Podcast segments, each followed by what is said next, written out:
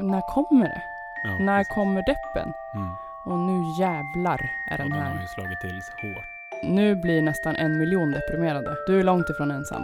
Jag måste nästan försöka säga åt mig själv så här varje februari att det kommer inte alltid kännas så här. Inget fel med att ha så här kraftig kroppsbehåring. Alltså hon var så blond. Det var mer som att hon hade som dun. Först, alltså typ som en eh, ny, nykläckt kyckling.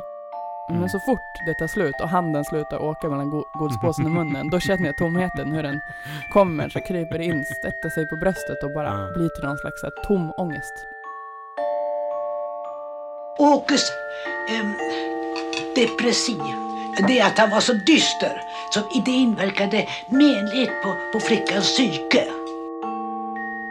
Hej och välkomna till Mörkret. Sveriges mest känsloreglerande och omplåstrande podcast för hjärnsnea. Med mig Johan och dig Angelica. Du vet att det finns ett uttryck som heter sappy. Ja, Det var eh, Kurt Cobain, Nirvana, som sa det i någon låt där det betyder att man är sad and happy. Men Mhm. vissa är ju, alltså det blir sappy, men vissa är ju bara sad nu. Just det. Vad är sad för något? Alltså SAD är ju en eh, diagnos kan man säga. Nu låter det som att vi säger sad. SAD. Ja.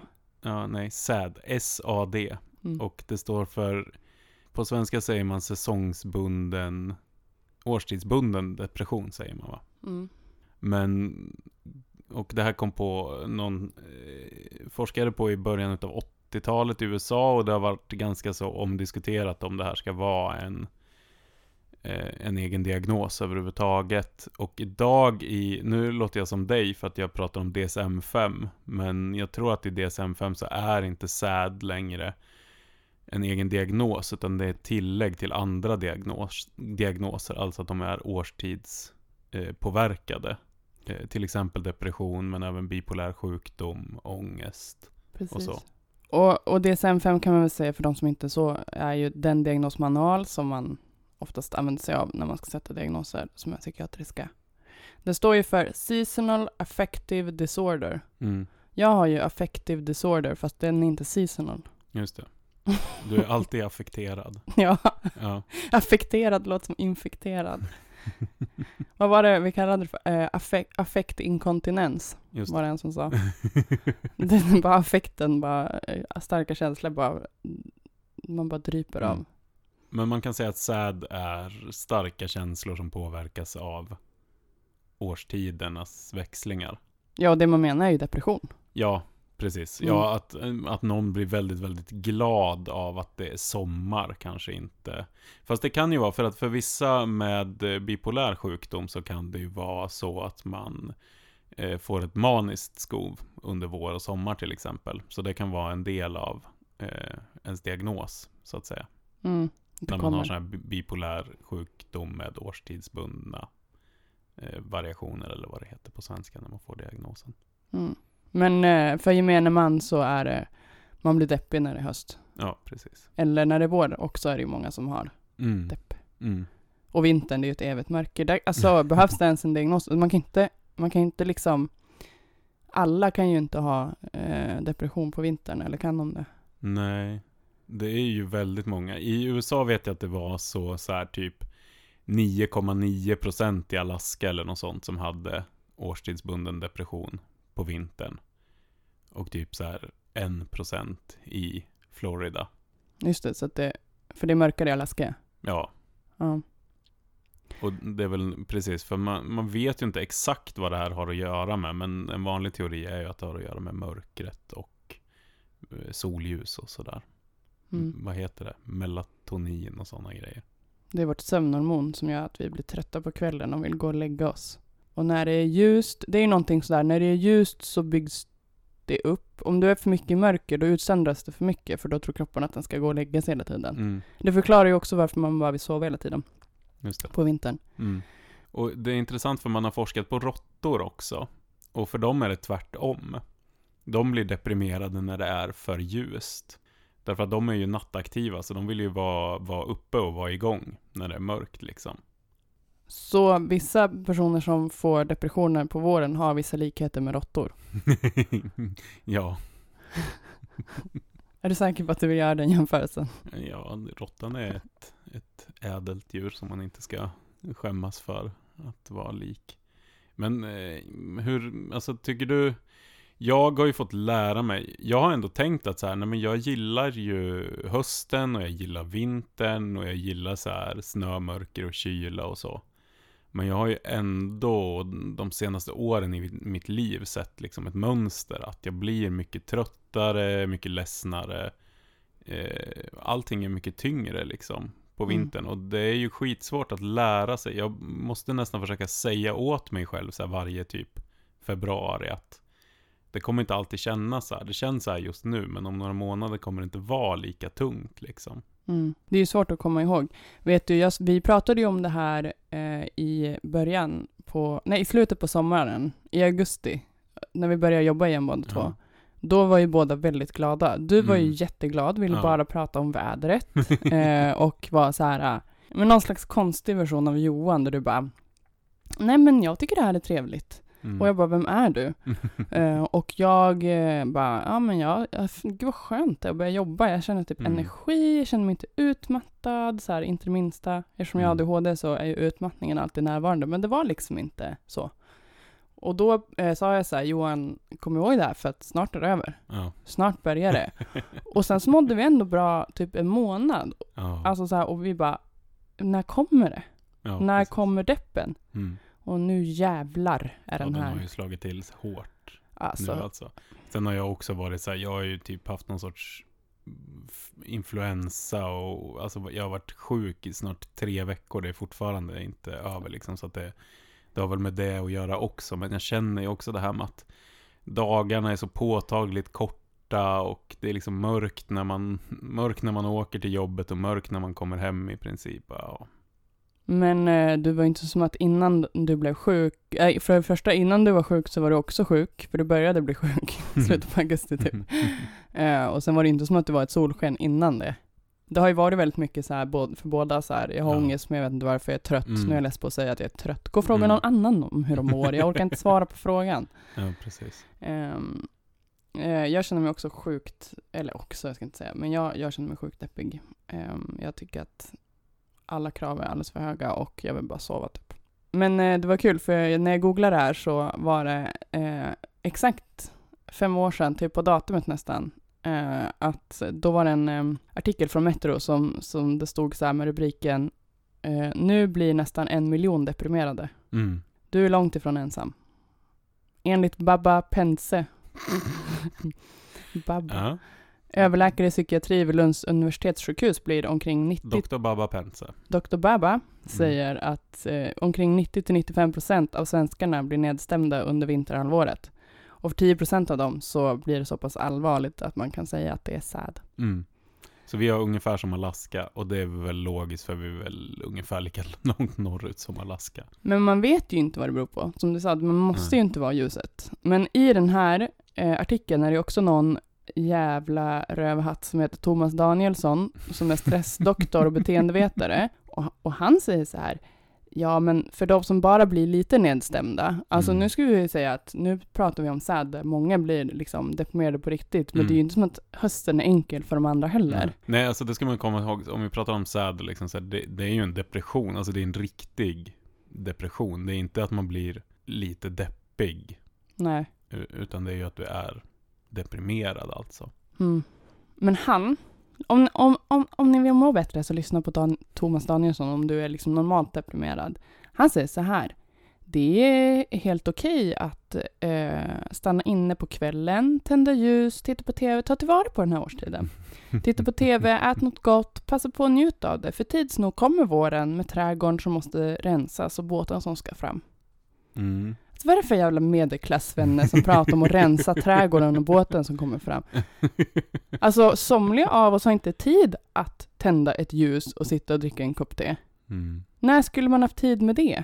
Nej, och Det här är om, ett hån. om man är deprimerad så kommer det ju, alltså vad är det för jävla råd liksom? Ja, för att är du lite nedstämd, även om Mm. du inte är kliniskt deprimerad, Nej. är du lite nedstämd, då ska du absolut inte sätta dig ner, eh, sitta liksom ut genom fönstret, tända ett ljus och lyssna på Winnerbäck. Tvärtom, du ska gå ut, du ska aktivera dig, eh, du ska göra allt tvärt emot än vad du tänker att du ska göra. Mm. För det här att, låter jättejobbigt Angelica. fast det är så. Alltså Mm. jag har levt med återkommande depressioner hela mitt liv. Och eh, tipset är ju alltid, och det som funkar och det jag har lärt mig genom åren, är ju liksom, och det här är bättre än, än nu ska jag inte säga att det är bättre medicin, men för mig är det liksom sättet att hantera det, för jag har ju absolut inte ätit medicin för mina depressioner hela livet Mm. heller. Alltså det är verkligen att så här, gör tvärtom. Det, alltså det är bara så här, när jag vill bara sova, det är liksom så här, nummer ett, jag kan inte vila mig piggare från det här. Mm. Eh, Det måste ju vara rimligt, jag måste ju få vila och sova ordentligt. Men jag kan Mm. inte vila mig piggare. Nummer två, var social även fast jag inte vill vara social. Och typ nummer tre, gör saker även fast jag har ångest. Eh, Och så här, ja men jäkligt mycket så här fake it till you make it. Mm. Det är liksom enda sättet. För att ger man efter och liksom sätter sig i soffan, då har man förlorat. Man ska aldrig någonsin lyssna på sin egen hjärna om man har återkommande depressioner. Nej. Alltså jag menar allvar, det är skitfarligt. Så att den här jävla rövhatten, ska, ja. Alltså också nivån, så här, tänd, jag, blir, äh, jag blir så irriterad. Och vet du Mm. varför jag blir irriterad? Därför att jag fick alltid höra det här, nu är inte han BUP, jag vet det. Eh, men när jag var tonåring, då sa de alltid så här, när jag, så här, ja, men när jag var där och bara, hej jag har en depression, då var det alltid så här, ja men det, det är nog årstidsbundet. Det är Mm. Jättemånga som har depressioner på vintern och våren, Angelica. Mm. Mm. Och varenda årstid. Höst. Jag bara hej, kan hjälpa mig en depression? De bara ja, det är bara. Nu är det höst. Löven faller. Vintern. Hej, jag har en depression. Kan ni hjälpa mig? Ja, det är många som har det kämpigt nu när det är så här mörkt Mm. och, och snön kommer. Och våren. Hej, jag har en depression. Ja, jo, men våren det är en typisk depressionshögtid. Sommar. ja, nej, men det är jobbigt nu när alla är lediga och rutiner ändras. Ja, men vad är det för svar? Ja, det, är års, det kanske är årstidsbundet liksom. Ja, men det. Det, det är en del av diagnosen för SAD, men det betyder ju fortfarande att liksom Det finns fortfarande, ja. det finns fortfarande och din hjärna funkar fortfarande annorlunda liksom. Mm. Eh, även om det sen är triggat av mörker eller vad det, nu- alltså vad det nu är som det här, som orsakar det här, som gör att det är årstidsbundet, så är det ju fortfarande inte så här, du blir lite ledsen för att det är höst liksom. Nej, precis. Det spelar ingen roll. Men plus att så här, om man har använt den tesen alla årstider, då kan man inte säga att det är Nej. årstidsbundet heller. Nej, precis. Då kunde man slutat säga det efter första året. Mm. Men vi kan ha ett eget avsnitt om hur mycket jag hatar BUP. Mm. Och så också så här konstig läkare. Alltså det är inget fel med att ha så här kraftig kroppsbehåring.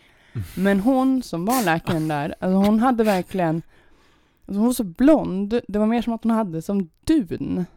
Alltså, först, alltså typ som en eh, ny, nykläckt kyckling. Ja. Det mjukaste dunet. Hon hade liksom, Det vill man ju nästan att en psykiater ska ha. Vara som dun. fast hon var ju inte mjuk i sitt sätt heller. Nej. Hon var bara väldigt dunig och väldigt oempatisk. Som en oempatisk kyckling fast vuxen på BUP. Ja.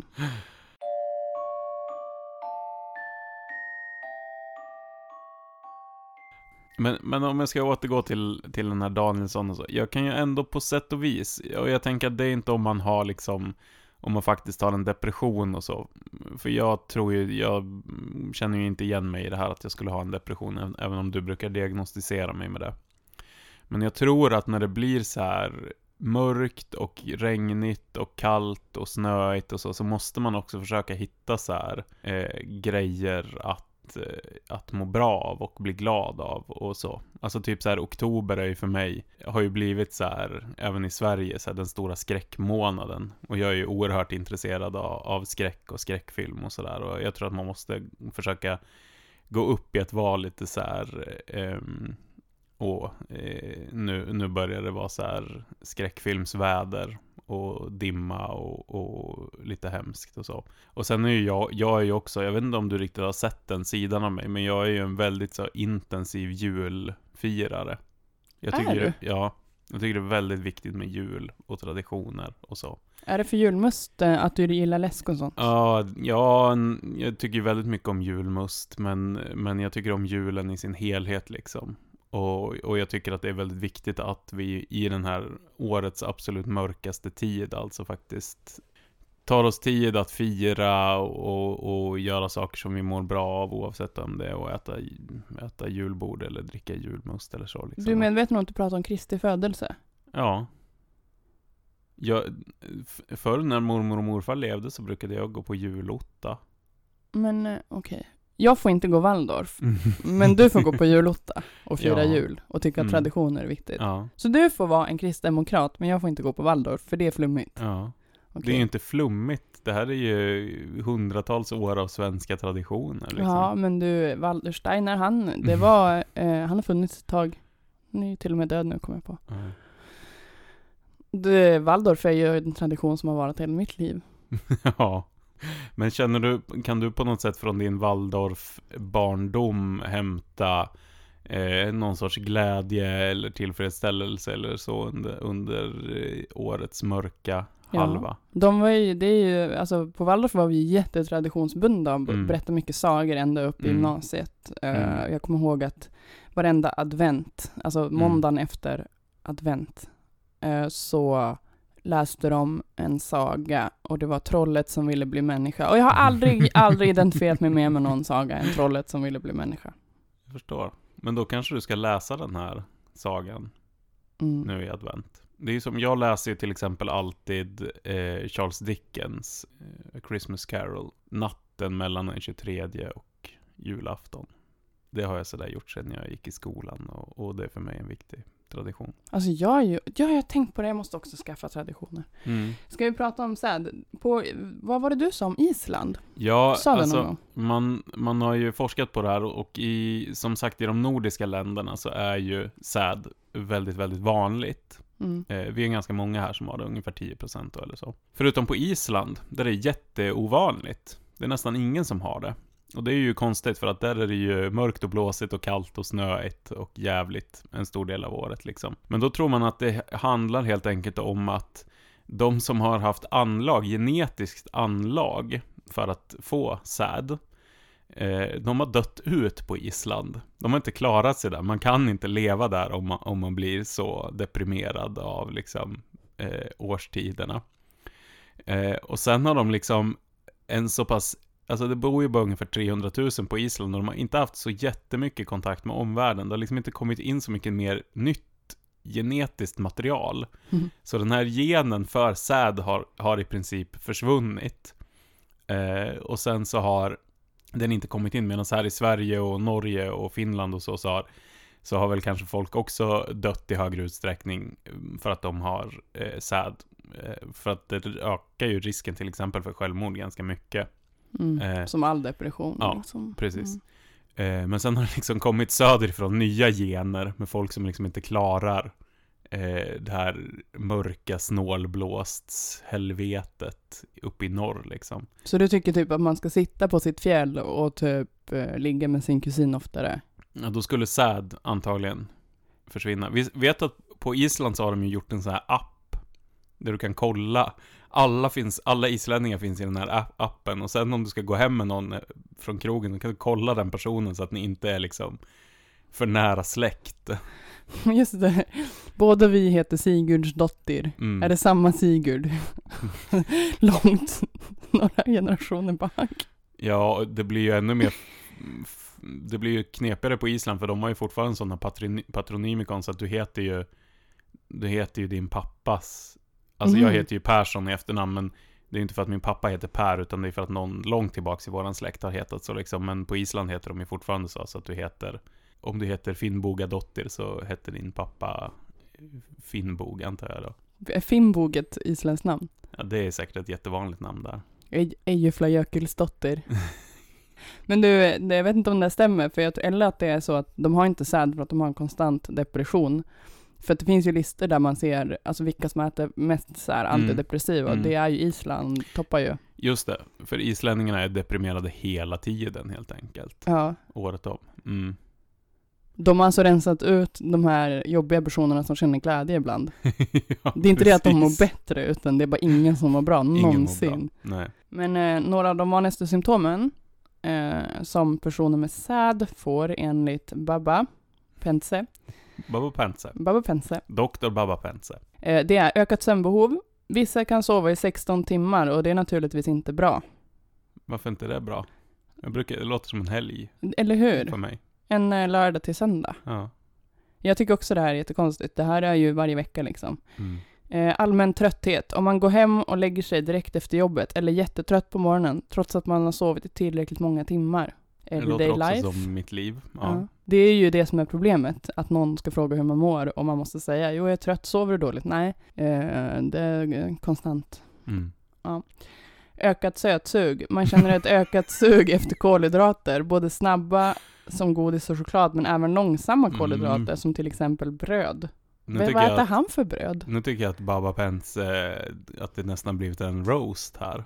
Av min personlighet, snarare än diagnoskriterier. Du måste, Johan, du måste ju få ha copyright på din egen personlighet. Ja. Eh, större aptit. En del, en del personer får även ökad aptit och gå upp i vikt av årstidsbunden depression. Mm. Isolering. Jag brukar mer tänka att det är så att jag, för jag brukar gå ner i vikt på sommaren för att jag blir lite mindre sugen på mat och för att det, liksom är, så, det är varmt och då vill man kanske Du tänkte att det inte är det att du går upp i vikt? Nej, av nej tiden? jag tänker att sommarvikten är min, är den liksom anomalin, Mm. avvikelsen. Isolering. Många undviker sociala situationer och känner att de inte orkar umgås med andra människor. Alltså det här är fortfarande vanliga eftermiddagar, eller så här större, alltså om man inte känner extrem trötthet, att man vill isolera sig och eh, så extremt sug efter kolhydrater, då har man liksom en bra timme. Ja. ja. Jag vet inte. Det här är ju normen. Ja, ja, jo, jag håller med. Alltså jag undrar på riktigt hur vi mår, för att jag, alltså när jag, när jag läser sånt här och när jag pratar med folk som har lyssnat på podden, jag har ju fått ännu mer så här, ja men det är så fint så här, höra hur ni mår, och så har jag fått också några så här, hur mår Johan egentligen? jag bara, men Johan mår okej. Ja men han verkar ju leva väldigt begränsat. Jag bara, men han har ju valt det. Ja. Låt han få leva Mm. som han vill, som en sten, Mm. ensam långt inne i ett stenbrott, där inga andra stenar stör. med en påse chips. Mm. Är vi deprimerade? Vi kanske, ja, Tänk om vi är så här extremt deprimerade och inte vet om det. ja, det kan ju vara så.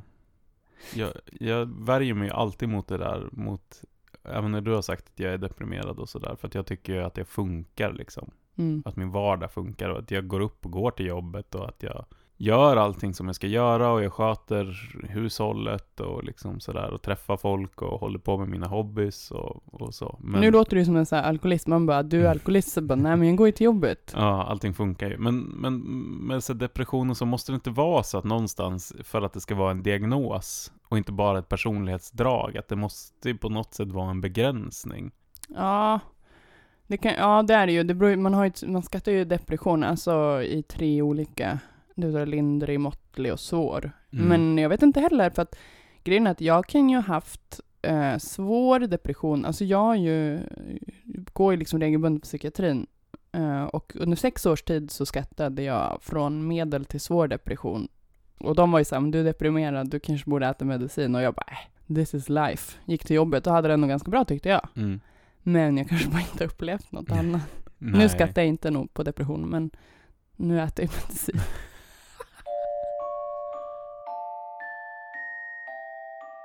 Depression är ju sjukt vanligt. Mm. Ung- ungefär hur många i Sverige har drabbats av depression? Var fjärde svensk drabbas någon gång av en depression och då är det liksom att den är så pass allvarlig att man kanske behöver behandling för den. Så att, men för då, de flesta är väl deprimerade någon gång i livet. Men eh, det är också 1500 personer som begår självmord varje år. Mm. Eh, det är ungefär fyra personer varje dag Mm. eh, i Sverige. Men då är det inte alla av dem som har lidit av depression. Nej, nej. Men det kanske är den Mm. vanligaste orsaken. Det kan jag inte uttala mig om, men antagligen. Ja. Nej, men eh, Vårdguiden säger att det är ganska vanligt att eh, känna sig ledsen eller nedstämd. Det gör alla någon gång. Mm. Ja. Men de har ju också en bild, kolla här på Vårdguiden. De har en bild på dig Johan. En bild på en nedstämd person. Det ser ut som dig. det är väl inte jag? Jo. Nej. Vad står det på Vårdguiden?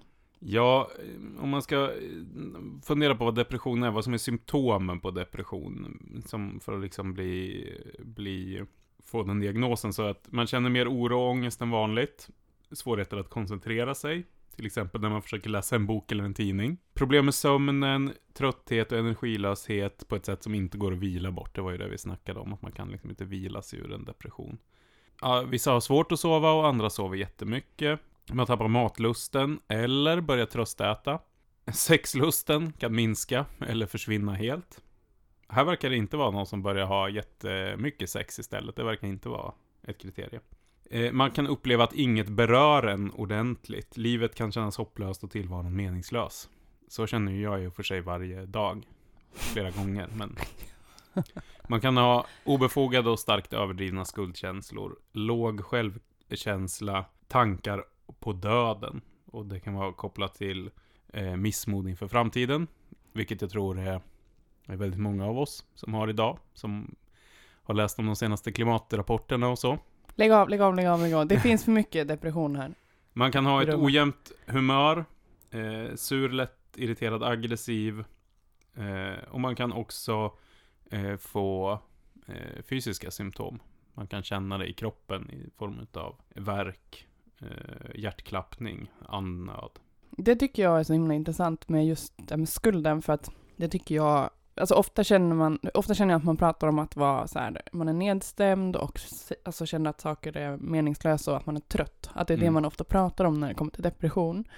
Men många så här vänner och så som jag har, eller folk, folk jag träffar, låter som att jag är läkare, nej men som jag pratar med, tycker att ja men så här, jag är en exceptionellt dålig människa och jag tycker ofta det är där så här, självmordstankarna finns, att så här, jag är jättedålig, det skulle vara be- bättre för alla om jag Mm. bara dog. Just Eh, och det kan jag känna, eh, för min del också, det- en av de värsta bitarna med depression, eftersom jag har liksom haft så många depressioner i mitt liv, det är just skuldkänslorna. För de är ju, så här, självkritik och skuldkänslor är ju närvarande, väldigt närvarande. Om jag blir deprimerad, där med obefogad skuld, alltså den kan vara så himla stark. Mm. Eh, och farlig. Ja, som sagt, det är den som gör då att man, i alla fall för mig, att jag, bara, att jag kan tänka ibland så här, det vore bara bättre för alla om jag inte fanns här. Mm. Jag är liksom bara en börda, eller jag gör bara situationen värre. Mm. Jag förstår. för alla, alltid, i varje rum. Typ så. Mm. Va, jag, ser, jag känner inte du att det här läsken gör att det liksom tsch, hjärnan? alltså, vi, vi tog en paus i inspelningen för att äta mat och då bjöd jag Angelica på en så här läsk, eller egentligen en syrup som man själv får blanda ut med, eh, med bubbelvatten. Och den kommer från Thailand och den är illgrön. Eh, och det står på baksidan att den kan orsaka beteendeförändringar hos barn. Men vi misstänker att den har börjat orsaka beteendeförändringar hos, eh, hos oss. Alltså ända sedan du började dricka den där, vi kom på att den typ in, inträffade vid så här samma tidpunkt. Du har liksom gjort så här konstiga grejer. Du har typ så här varit normal. Du har gjort kallprat mot mig. Mm. Varför gör du så mot mig? Jag gör inte så mot dig. Jo, det gör du. Med jämna mellanrum så säger du att du ska börja vara normal på jobbet och då är du precis sån mot mig. Ja, fast nu var det inte så du gjorde, utan du började hålla på och säga så här, ja, ja, typ prata om att saker var mysiga, prata om vädret. Eh, ja, och sen så såg jag då, när du drack den här, att jag såg att du blev lite mer normal. För jag funderar Mm. på om det är din influensa som har gjort dig normal. Mm. För jag känner att vi har inte så mycket gemensamt längre, jättehemskt. Men nu har du också druckit den här läsken och du Det knastrar lite i hjärnan. upplevt en eh, beteendeförändring. Men jag blir ju aldrig normal, alltså jag vet inte, jag är något sorts unikum. Men jag, fast vi hade väl en tes det om att, den- att, eh, att vi inte är neurotypiska. Och att för vanliga barn, Mm. de kan få ADHD-symptom. Mm. Men eh, vi bara, den bara tiltar våran snedhjärna rätt. Mm. Så att Så- du börjar prata om vädret. Vi kommer alltid behöva dricka den här thailändska läsken då. För att vara i, i nivå med er andra. Också att den hade ett ämne, ett azofärgämne, som är de ämnena som man kan bli hyperaktiv av. Mm. och få allergiska, starka allergiska reaktioner i form av nässelutslag och svullet, uppsvullet svalg. Eh, och att den var, åt- redan 89 blev den olaglig, den här, Jaha. det här färgämnet. I Sverige, inte i Ja. Thailand. Nej, i Där är Sverige. det fritt fram. Och sen gick Sverige med i EU efter det. Och då bara, just det, vi måste ha ungefär samma la- lagar som EU. Eh, vi tillåter den i läsk. Ja. Och nu sitter du och dricker den. Mm. Jag måste ta lite till. Är det här min? Det här är min va? ja. Den är väldigt, väldigt grön. Mm. Vi kan lägga ut en bild på Facebook på hur den här läsken ser ut. Och det ska, jag tycker det också är viktigt att säga någonstans här, för jag tycker det finns ett sätt att förminska liksom depression.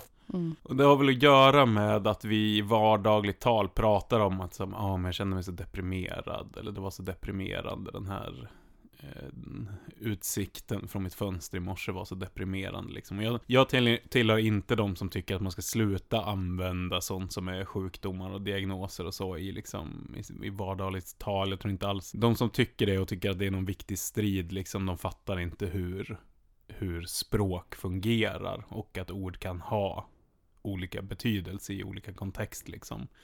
Men jag tror att vi ofta liksom tänker på depression som att så här, ja men det är någon som är nere och det är någon som ligger hemma i sängen och har svårt att komma upp och så. Och att vi faktiskt inte tänker på depression som dels faktiskt en dödlig sjukdom.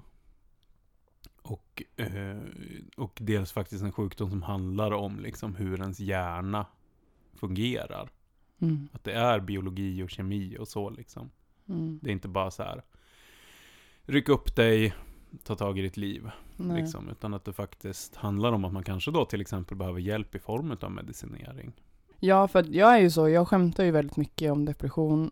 Men för mig, alltså det har inte funnits något mer förstörande och förgörande än depression liksom för alla mina relationer och sådär. Eh, Jag kommer ju alltid komma ihåg första gången jag blev deprimerad i tonåren. Och eh, länge har jag liksom levt så här ja men alltså alla bra perioder är ju alltid konstant. Alltså om man har återkommande depression. Så, här, så funkar ju så att, jag tror att vi sa det innan också, men om du har en depression då är det lättare sen att få en till. Och det är ju så att så här, man blir mer, det är mer lättare och lättare att få det.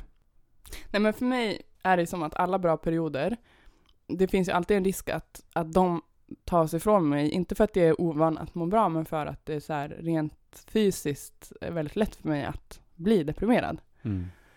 Eh, Så att jag har ju levt så här med extrem rädsla att så här, nu, ja men rädd för, för att så här, för det finns så många gånger som, tycker jag det har känts som att så här, depressionen, den kommer liksom och tar mig på något sätt. Mm. Alltså jag är inte beredd, det är ingenting speciellt som har hänt, men helt plötsligt så är det bara som en svart filt överallt.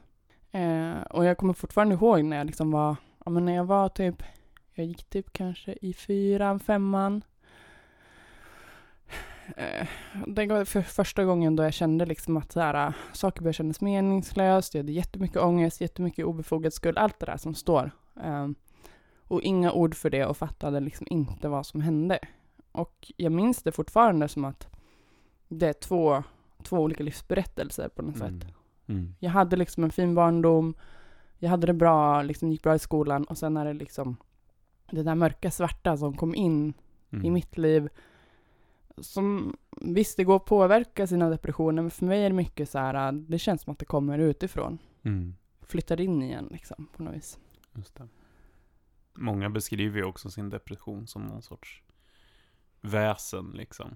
Mm. Så mörk följeslagare som man har genom livet. Mm.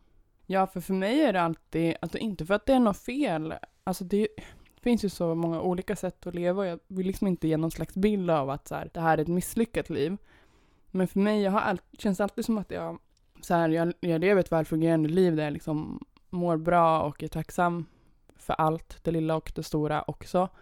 Men det känns som att jag hela tiden, och så har det alltid känts sedan den första gången jag blev deprimerad, kämpar mot att vara ett liv där jag inte kan jobba, ett liv där jag bara sitter hemma ensam, röker under fläkten, är sjukt deprimerad, eh, förtidssjukskriven, fast jag är liksom inte med den här känslan av att jag kan mer, jag vill mer, men jag orkar inte. Det är som att jag så går bredvid henne.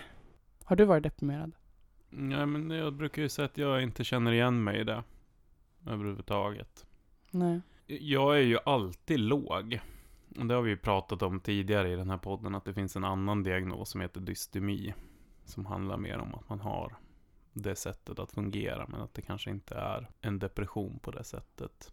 Och för mig har det ju på något sätt alltid känts ganska lätt. Alltså, jag kan känna så här, jag vill inte, jag orkar inte, jag orkar inte gå upp på morgonen, jag orkar inte gå upp till jobbet. Men det har ändå alltid varit på något sätt ganska lätt att göra det ändå. Alltså det är det här att det finns kanske inte alltid en glädje i det jag gör och så, men att jag ändå har den eh, kraften på något sätt. Mm, Men det känns ju som att det du säger, alltså jag har ju alltid gått till jobbet och presterat ändå. Mm. Jag har inte varit sjukskriven för liksom. Men det är det som är så svårt. För så här, är det en depression först med konsekvenserna eller? Det finns ju olika grader. Du kanske har, Mm. en, ja men då har du den här där lätta eller vad heter det, lindriga. Mm. Men det är också, ja, i sådana fall har jag haft den typ jämt. Sen jag var 14 eller något sånt. Ja men det kan man väl ha. Ja. Men jag har så svårt att tänka på det som liksom en diagnos och inte ett personlighetsdrag. Liksom. Ja fast, lyssna här. Dystemi är ett tillstånd som liknar lätt egentlig depression, alltså depression. Mm. Man känner sig nästan aldrig glad utan alltid, nå, alltid är något nedstämd och tycker att livet är allmänt tungt. Mm. Alltså vem, okej. Det är är ju inte jag som tycker det, det är ju så det är. Ehm, för att få diagnosen dystemi eller sjukligt svårmod som det också kallas. Sjukligt svårmod tycker jag var jättefint. Det, det, Mm. ska jag börja, det ska jag ha som Twitter-nick tror jag. Ska man ha haft symptom under minst två år. Det är jäkligt lång tid alltså. Ja, för mig, vad är det? 18 år kanske? Nej men alltså det är ju, alltså depression är ju en sjukt allvarlig sjukdom och det finns ju de som alltså bara kämpar livet ur sig i flera år bara för Mm. att eh, kunna leva normalt. Ja. Liksom, för att bli av med den här depressionen som äter alla mediciner som finns, som gör varenda tricks som finns, varenda råd som finns, eh, får liksom ECT, eh, elchocksbehandling, gör allt liksom. Mm. Ja. Men ändå så hänger det där jävla svårmodet och meningslösheten och skulden kvar som en Mm. jävla jobbig snubbe Mm. som vägrar gå därifrån. Men alltså vill man så finns det ju alltid någonting att vara deprimerad över. Ja, och jag tänker på att vi har pratat om det här ibland med om att ha en anledning till att vara deprimerad och så. Vad tänkte du då? Nej men ibland så kan du säga så här att ja, men jag har ingen anledning. Eh, alltså allting är ju bra nu, allting är mycket bättre. När det var så här, då var jag inte deprimerad. Men då var allting mycket sämre liksom. Men det, det tror jag också att man måste komma ihåg att, vad ska jag säga, anledningen till depression har inte nödvändigtvis med man kan känna så här, så, åh, jag som är så privilegierad, jag som har, liksom, har det så bra och så får jag verkligen känna så här. Men, men man har ju de känslorna man har liksom. Och depressionen måste ju inte komma ifrån att jag har det väldigt jobbigt i mitt liv och så. Utan den kan ju komma från, från liksom hur min hjärna just nu är, är i kemisk obalans. Ja, för jag, tänker du också så då? Att, för jag tänker ju, alltså jag tänker ju typ ADHD, ja det är en, en, en obalans i dopamin och några andra signalsubstanser. Det är typ en dopamininsufficiens, eller vad man Mm. säger. Och typ depression är samma sak. Alltså det är en obalans i, i signalsubstanserna eller hur de utsöndras och upptas. Mm. Att det är inte något mer konstigt än diabetes typ. Eh, Nej, det är därför det är medicin funkar. Nej, Liksom. precis. Ja. Mm, Jag tänker att det är så. Och att det finns väldigt många som vill mystifiera depressionen och liksom typ, nej men det är inte bra, man ska inte ta massa piller och man ska inte hålla på med hjärnans eh, kemi och så, men liksom det funkar ju. Mm. Alltså det funkar ju inte för alla och inte lika bra och folk får testa sig fram med olika medicin och så. Men jag har ju också sett folk som har varit riktigt jävla nere och som fått massa med olika medicin och massa olika eh, försök eh, med allt möjligt liksom. Och så får de en medicin och då bara det kanske inte blir skitbra, men det blir liksom mycket bättre. Om man tänker att så här, ja ah, men du borde ut och motionera eller du borde göra något som du tycker är roligt eller så. Eh, den medicinen kanske är det så att säga hjälpmedlet som du behöver för att kunna göra de grejerna som sen gör att du den kanske lägger dig på en nollnivå så att du faktiskt har möjligheten att göra det som får dig upp till en plusnivå liksom. Verkligen.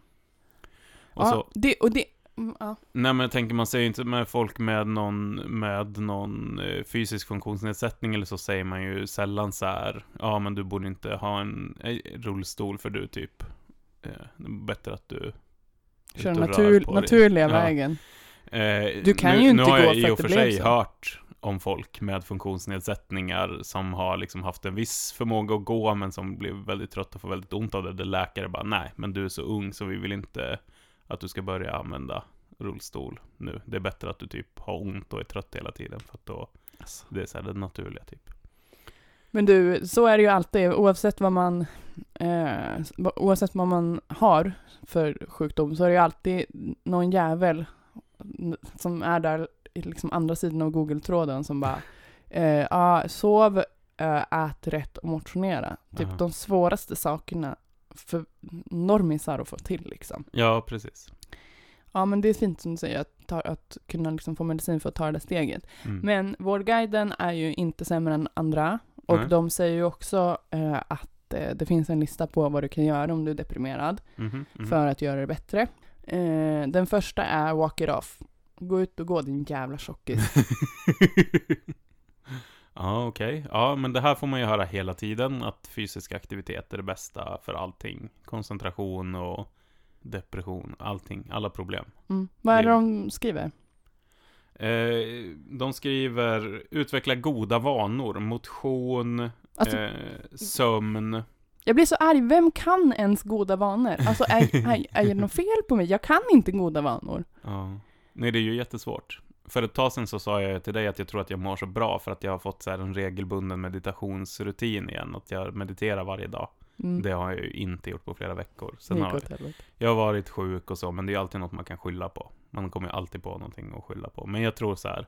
Det är så mycket det här med att skaffa goda vanor som blir en sån jävla prestigegrej och som blir så jävla svårt liksom. Man måste liksom vara lite snäll mot sig själv och bara, ja men nu har jag faktiskt mediterat en gång den här månaden och det var det som jag fixade Mm. den här månaden. Vi kör ju också mycket, vi har ju börjat köra så här pomodoro-metoden på jobbet du och jag. Ah. Eh, det här har verkligen förändrat våra liv. Jag har försökt köra pomodoros för alla sådana eh, försök att effektivisera mig själv som människa. Ingenting funkar. Pomodoro säger så här att du ska jobba väldigt intensivt i 25 minuter. Eller koncentrerat, inte intensivt. Du ska jobba koncentrerat med en uppgift i 25 minuter.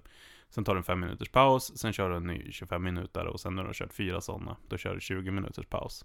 Och jag har alltid haft jättesvårt att följa det där, tills du och jag började göra så kollektiva pomodoros. Det är verkligen det som funkar, så grupptrycket. Mm. Men då upptäcker vi ju ofta att vi kanske på en arbetsdag hinner göra så här två bra, effektiva pomodoros liksom. Ja, ja, några fler kan, ja. Ja, men ibland kör vi. Det är ju ganska sällan vi kör de där fyra så att vi får den där 20 minuters pausen. Alltså det brukar komma saker. Men det funkar ju så bara att jag Mm. tittar på dig så här och bara, vad gör du? Ja, Kolla inte Instagram. precis. Jobba. Jag vill ha en pinne! Pomodoro-pinne. En Pomodoro-pinne. Så jag kan peta Men, på men dig. grejen så. är, jag tänker att så här, man får vara så här, för jag läste typ han som kom på den metoden som sa så här, ja, jag hinner of, också ofta bara med en eller två bra pomodoros på en dag. Men de kan vara liksom lika mycket värda som en hel icke-koncentrerad arbetsdag liksom. Kan Alltså, man få in på 25 minuter. Människor är så ineffektiva. Det måste man också komma ihåg att så här, Ja. har du obefogad skuld, PGA, eh, årstidsbunden depression, depression eller bara trött, Mm. då alltså människor, alltså se dig omkring. Människor är helt jävla värdelösa. Mm. Så dåliga på att leva, jobba. Alltså det är som, jag brukar ta, när jag känner mig som en dålig mamma, brukar jag gå till Ikea med min son. Mm. Alltså Ikea är ju stället dit föräldrar kommer för att hata sina barn. Alltså de tar med barnen, står och skriker på dem i åtta timmar och sen så går de hem med dem. Mm. Och sen bara ungjävlar. Mm. Alltså jag är som bra mamma. Eh, vi bara glider fram där på, i en sån här som man kör varorna på. Alla blir Mm. jättesura men vi leker ändå karusell med den. Och så bara hör man musik, konfetti. Ja, Mm. Nej, men jag tänker så här med, det här med goda vanor liksom. Att man har så jätte, man har direkt jättehöga krav på sig. Om man tänker så här, ah, jag ska börja meditera, då tänker man så här. Ska meditera en halvtimme varje morgon, en halvtimme varje kväll. Alltså det är jättelätt att fastna i det.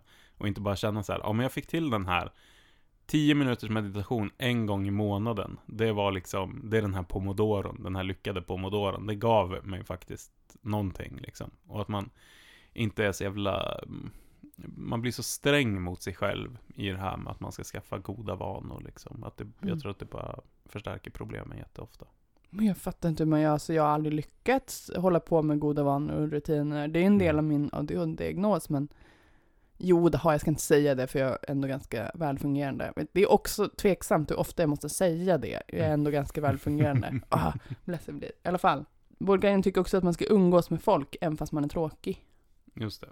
De säger att man ska hålla kontakten. Alltså att Även om du känner dig som världens sämsta människa som ingen vill prata med och ingen borde vilja prata med så ska du ändå försöka vara lite social.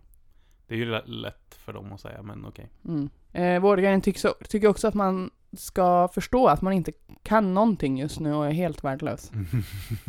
Nej, ja, sänka kraven skriver de. Det är samma sak. Att du, ja.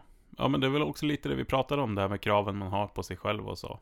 Man har väldigt stora krav och, och det bidrar väl till att man tycker att man själv är värdelös liksom. Istället för att bara acceptera att Fast i och för sig, det är lätt för mig att säga bara, ja men om du skulle vara fysiskt sjuk, då skulle du ju acceptera att du inte kan eh, prestera lika mycket. Men jag var ju nyss, eh, hade typ influensa och var jättesjuk och hade feber och då inte fan accepterade jag att jag inte kunde prestera då. Jag var ju skitsur. Mm. Gick det jobbet?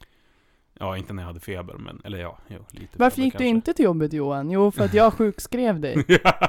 Jag loggade in på våran så här kommunikationskanal och bara Hej, Johan är sjuk innan du vaknade på morgonen. Angelica skrev det faktiskt så att jag inte skulle kunna gå in och åka till jobbet. Det True var väldigt friends. snällt av dig. Ja, Jag hade inte åkt till jobbet ändå den dagen för att då var jag Nja. fan helt sängliggande alltså.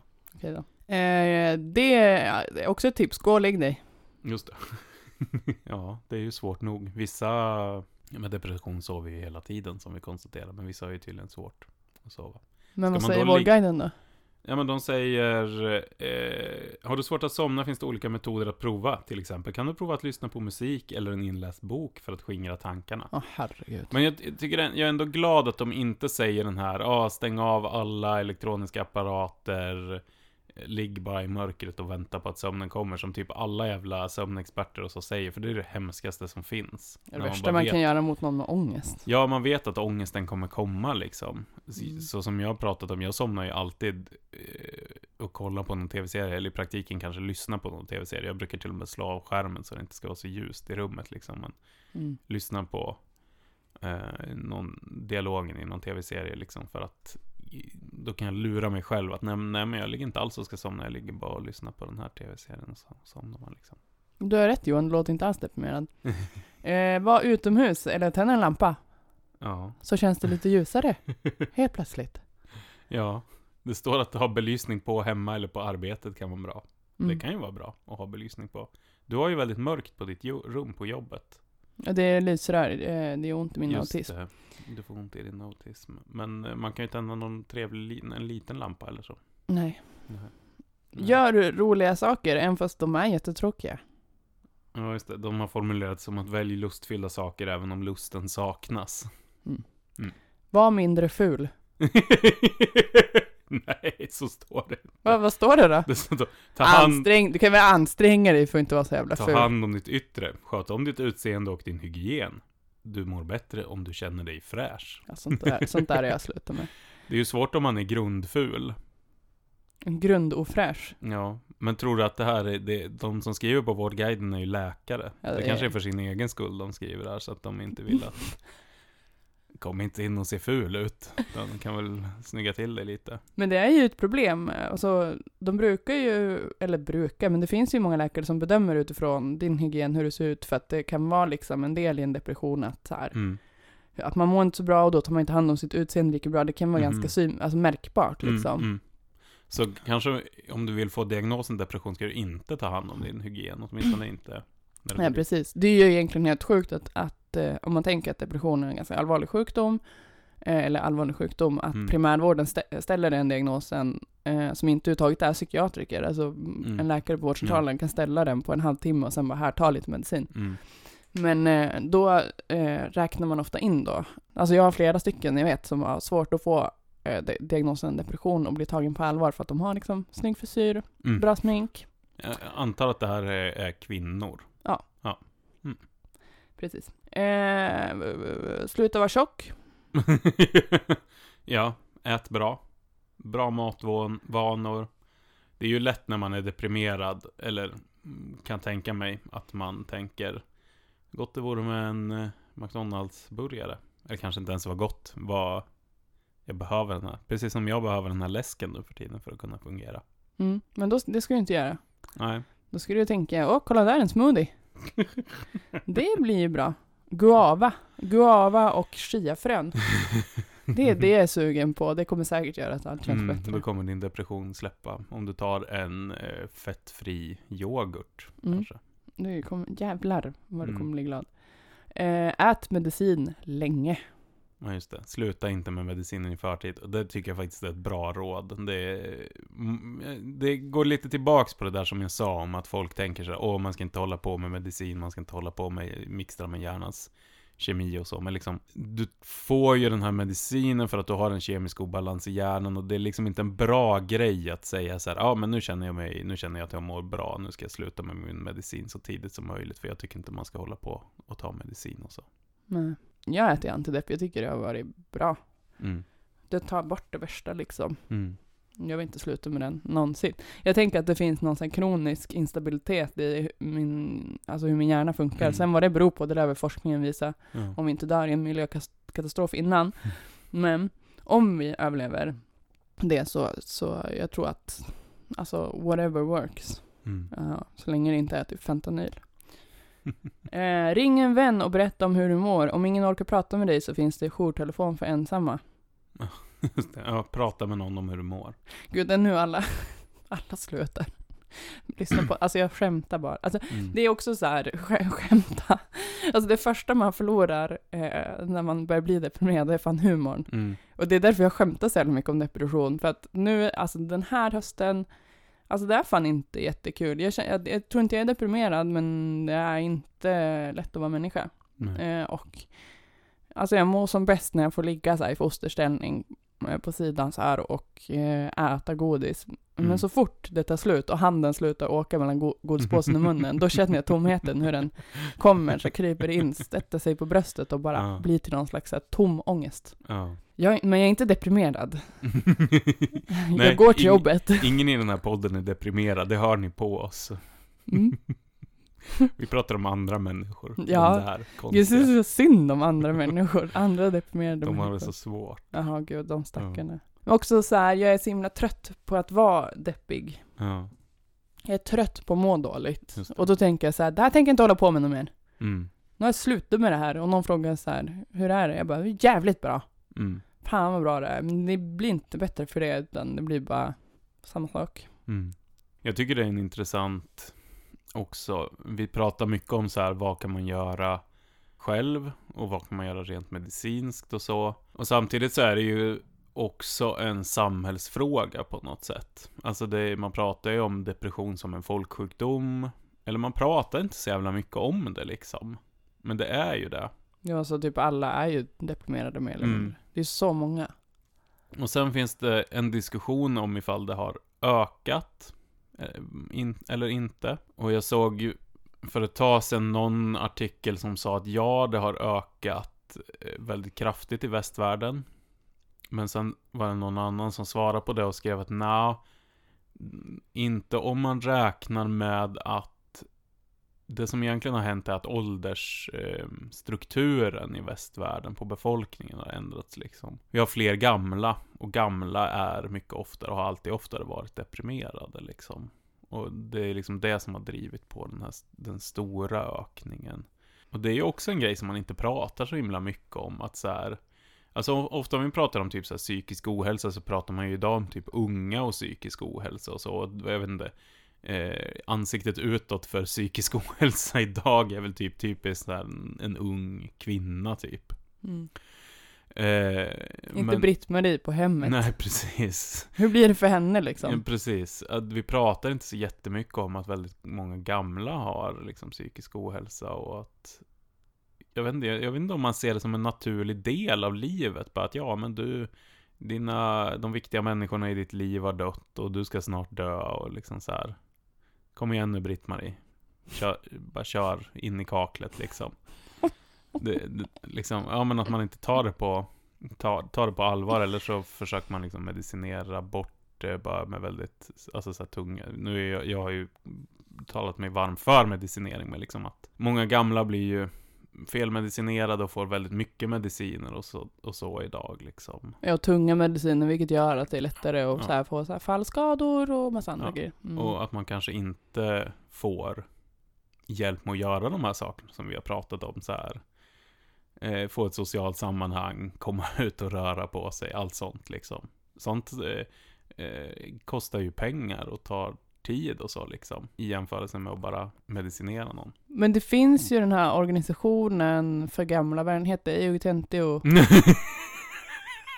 Där kan man ju komma med och göra kul saker och äta sju sorters Men, kakor. men på riktigt, vi, vi kanske skrattar åt det, men eh, eh, jag är medlem i YogiTNTO så jag får skratta åt YogiTNTO. Eh, men, men på riktigt är det ju väldigt många som, dels där, undvika alkohol, vara nykterist, det är bra. Men just det här med att ha ett socialt sammanhang och så är ju en väldigt viktig skyddsfaktor. Alltså det är inte en 100%, det är inte ett hundraprocentigt skydd. Det är inte bara så här, ja ah, du är ensam och gammal, därför blir du deprimerad liksom. Men det är ju en skyddsfaktor att ha socialt umgänge, sammanhang, att få känna sig meningsfull även typ efter att man har gått i pension och så. Det är ju jätte, det är ju en sorglig grejen, men många dör ju ganska nära in på sin pension. Och många självmord och så, för att folk inte känner sig eh, värdefulla längre och så. Det tycker jag var så jävla fint när Yogi gjorde så här, någon typ utbildning för folk som har gått i pension så att de kunde bli så här ja men, typ bli så här äldre konsulenter liksom. Bara nu har du gått i pension, nu kan du snappa upp ditt, eh, ditt ideella engagemang till heltid liksom. Du typ, alltså grejen är att så här, det här låter typ så här fint i dina, alltså jag bryr mig om gamla, det är inte det. Gud vad hemskt. Men jag vet ju också att du är ju typ eh, som att du redan har gått i pension fast du måste Mm. gå till jobbet. Ja. Ja, det är ju Och synd du- att jag måste gå till jobbet fortfarande, trots att jag har, det borde, pension borde ju inte grundas på ålder, utan på personlighet, tycker jag. Ja, för att du borde ju aldrig mer jobba då, för att du är ju redan 70. Alltså grejen är att så här, du, du tycker att det känns så här fint och romantiskt till att komma till den här klassmorfaråldern. Ja. Men, men så här, alltså när jag var inne på ditt rum, de ska, eller på ditt kontor, de ska, vet du eh, vad heter det, fön, putsa fönstren på jobbet. Mm. Och så kollade jag på ditt bord så här. Alltså det var det sjukaste. Dels var det några så här to- gamla så här torra skinntofflor som man såg så här, de stod under skrivbordet och så här, där har en gammal man suttit. Och jag bara, det här är ändå Johan, han är ändå typ 32. Alltså det är helt sjukt. Och sen hade du liksom massa så här gamla så här IOTNTO-prylar, Mm. eh, så här eh, nykter ungdom-grejer, alltså så här någon gammal så här brevstämpel, Mm. dina terminalglasögon, alltså så här eh, typ några gamla halstabletter, jag vet fan, och det är också så här konstiga så här, det ser ut som långa knivar men tydligen är det någon slags brevöppnare, alltså det, Ja. Och så har du typ en portfölj, sådana grejer har du.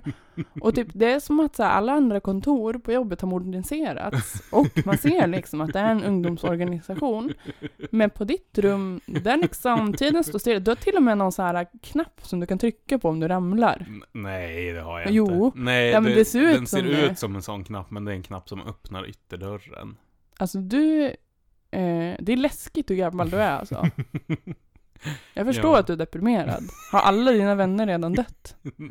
Nej, Nej, men du är Du är ju- min vän slash hemsamarit.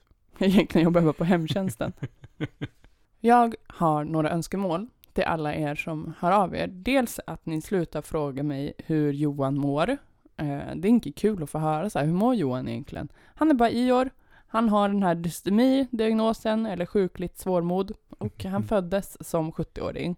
Mm. Låt honom. Och sen att ni följer oss på sociala medier. Jag heter Angelica Ogland på Instagram. Och jag heter ordförande Johan på Twitter. Sen så får ni jättegärna gå in på iTunes om ni har ett iTunes-konto och eh, ge oss en recension och ett betyg där, för då hamnar vi högre upp på listorna och fler kan hitta oss. Och sen får ni jättegärna dela podden i era sociala medier. Det är jättemånga som säger eh, till mig att de eh, gillar podden jättemycket, men det är färre som faktiskt delar den.